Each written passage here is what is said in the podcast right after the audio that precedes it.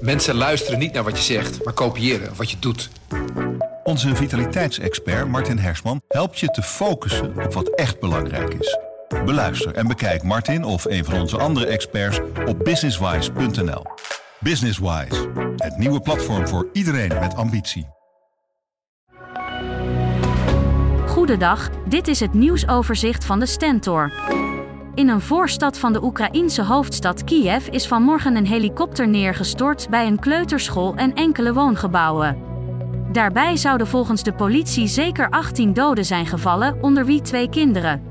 Ook de Oekraïense minister van Binnenlandse Zaken kwam om het leven. Meerdere mensen raakten gewond. Over de oorzaak van het ongeluk is nog niks bekend. Duizenden buschauffeurs, machinisten en conducteurs in het streekvervoer leggen morgen en vrijdag het werk neer. Dat meldt vakbond FNV na een CAO-overleg waarin de bonden en werkgevers niet tot een akkoord kwamen. De staking betekent dat er donderdag en vrijdag vrijwel geen bussen of regionale treinen zullen rijden.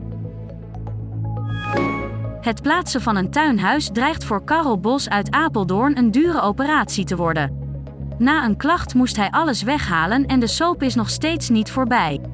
Bos heeft het huisje nu ergens anders neergezet, maar nog wel restanten van de fundering in zijn tuin liggen.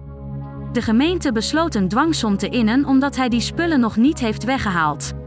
Bos is het daar niet mee eens en heeft bezwaar aangetekend. Er zijn grote zorgen over de toekomst van molens in Gelderland. Jarenlang konden beheerders voor onderhoud gebruik maken van subsidie van de provincie, maar deze vervalt in 2024. Volgens de Molenfederatie Gelderland kan dit desastreuze gevolgen hebben en dreigen zelfs molens verloren te gaan. De provincie wordt opgeroepen om hun besluit te herzien. En koning Willem-Alexander komt vanmiddag naar de Krim. Hij opent daar de nieuwe multifunctionele accommodatie De Beuk. Het bezoek duurt anderhalf uur en vindt plaats aan de hand van een strak draaiboek. Behalve de officiële opening staan er voor de koning ook een rondleiding door het nieuwe gebouw en gesprekken met vrijwilligers en andere betrokkenen op de planning.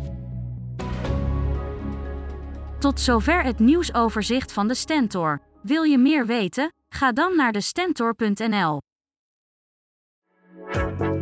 Een goede spreker herken je aan de QA aan het eind. Onze lifehack-expert Martijn Aslander geeft je adviezen waar je echt wat aan hebt. Beluister en bekijk Martijn of een van onze andere experts op businesswise.nl. Businesswise, het nieuwe platform voor iedereen met ambitie.